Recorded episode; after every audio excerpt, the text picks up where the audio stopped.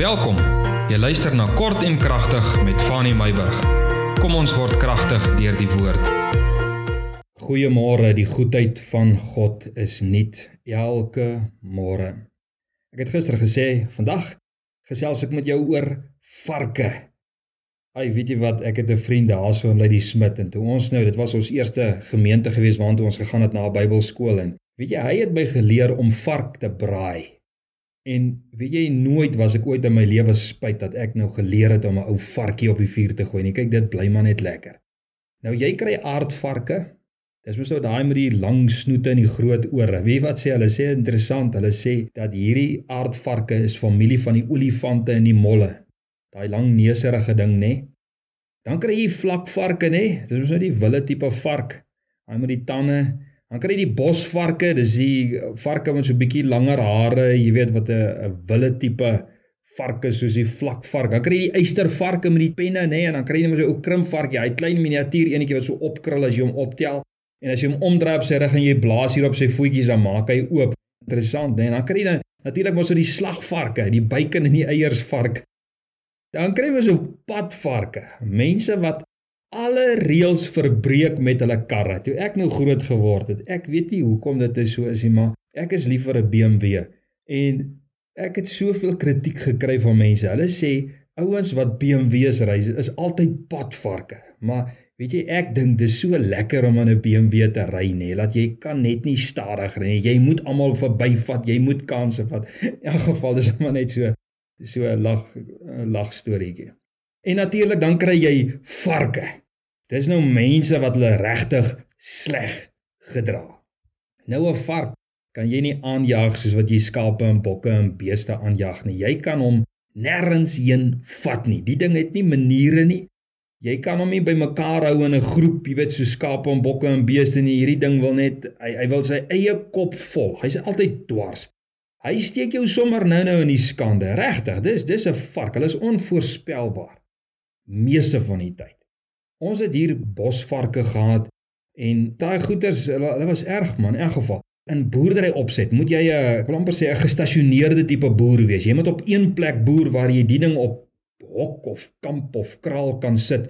Laat hy nie die vlaktes kan invaar nie, want as daai ding net 'n kans kry is hy weg. Hy kom nie huis toe nie. Jy weet 'n vark vreet enige ding.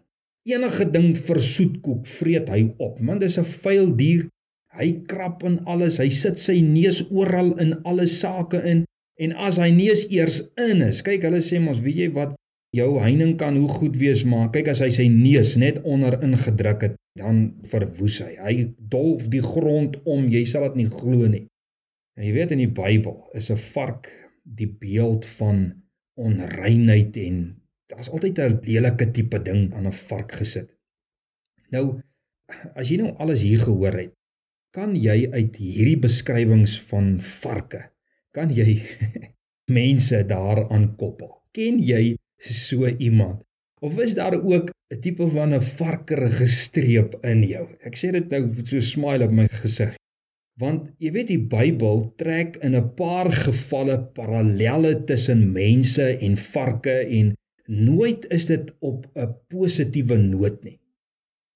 Wetlik gesproke nê Bybels nou nê Wetlik gesproke mag die Jode mos in elk geval nou nie eers varke geëet het nie. Maar kom ons kyk gou 'n bietjie vinnig. Ek wil jou vier verse gou gee waar die parallelle getrek word. En nou gaan ek glad nie daarna die wet toe nou gaan, jy weet om te sê jy mag nie vark eet nie en al daai tipe dinge. Ons weet mos nou die Jode mag dit mos nou nie geëet het nie en so aan. Maar die eerste een is 2 Petrus 2 vers 22 sê dat iemand wat van sy sonde gewas is en weer terugkeer na sy ou sonde toe. Hy is soos en sy is soos 'n gewasde sog wat terugkeer na die modder toe. Dit is om nie die verlossingswerk wat Jesus Christus in jou lewe gedoen het te eer nie. Met nou jy gaan terug na jou sonde toe. Tweede vers Spreuke 11 vers 22. Dit vertel van 'n mooi vrou sonder waardes is soos om 'n goue ring in 'n vark se snoet te sit. Wie wat die goed pas net nie by mekaar nie. Al sit jy nou 'n goue ring in 'n vark se snoet. Hy bly 'n vark man. Maak nie saak wat se klere jy vir 'n vark aantrek nie. 'n Vark is 'n vark. Hy stink soos 'n vark. Hy krap soos 'n vark. Hy ruik soos 'n vark. Nou 'n mens verwag nie soos wat Spreuke 11 vers 22 sê, 'n mens verwag nie van so 'n mooi vrou met ander woorde sulke tipe waardes openbaar nie. Mens verwag beter waardes van 'n mooi vrou. Matteus 7 vers 6 sê Jesus, hy sê jy moenie jou parels voor die varke gooi nie. Moenie dit wat vir jou kosbaar is voor mense lê met ander woorde wat hulle nie kan waardeer of die waarde nie daarvan kan besef nie. Meng met mense wat jou geestelike waardes eerbiedig en nie dit vertrap nie. En dan die laaste vers is Lukas 15 waar die verlore seun, hier is mos die daarvan vers wat 14 15 daar rondaf waar die verlore seun mos nou op die einde van die dag varke opgepas het nadat hy sy erfstukke gevat het en gaan uitblaas het, het hy op die einde van die dag varke gaan oppas van waar af hy dan gekom het terug na sy vader huis toe wat dan 'n beeld is van sy absolute geestelike verval en verdwaaldheid. Jy sien hierso, nie een van hierdie beelde en en parallelle wat getrek word tussen 'n vark en 'n mens is positief en is goed nie.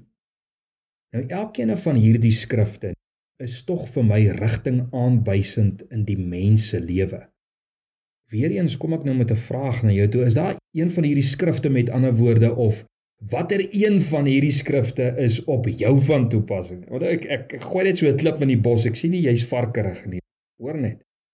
Dalk sê vir my maar, jy weet, niks van daai goed is dit op my van toepassing nie. Want ek sê nie hierdie goed omdat ek enige iemand beskuldig of dat jy aan een van hulle skuldig moet wees nie. Nee, dis nie waaroor dit gaan nie. Is daar een van hulle of watter een van hulle is op jou van toepassing? Of is daar glad nie een op jou van toepassing nie?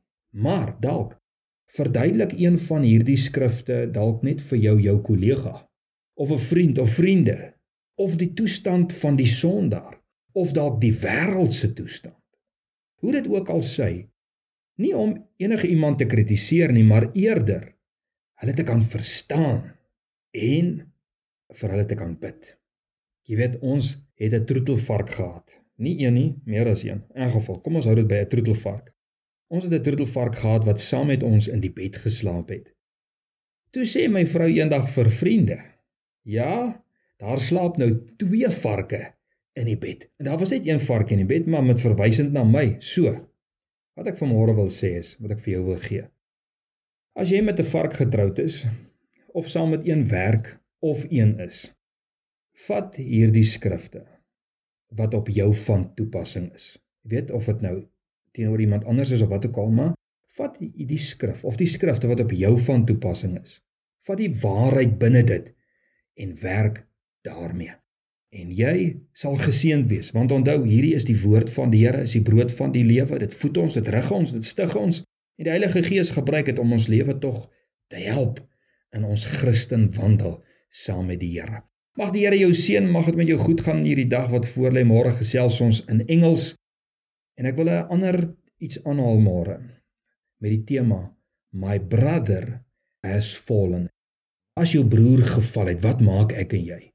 Mag die Here jou seën tot ons môre verder gesels.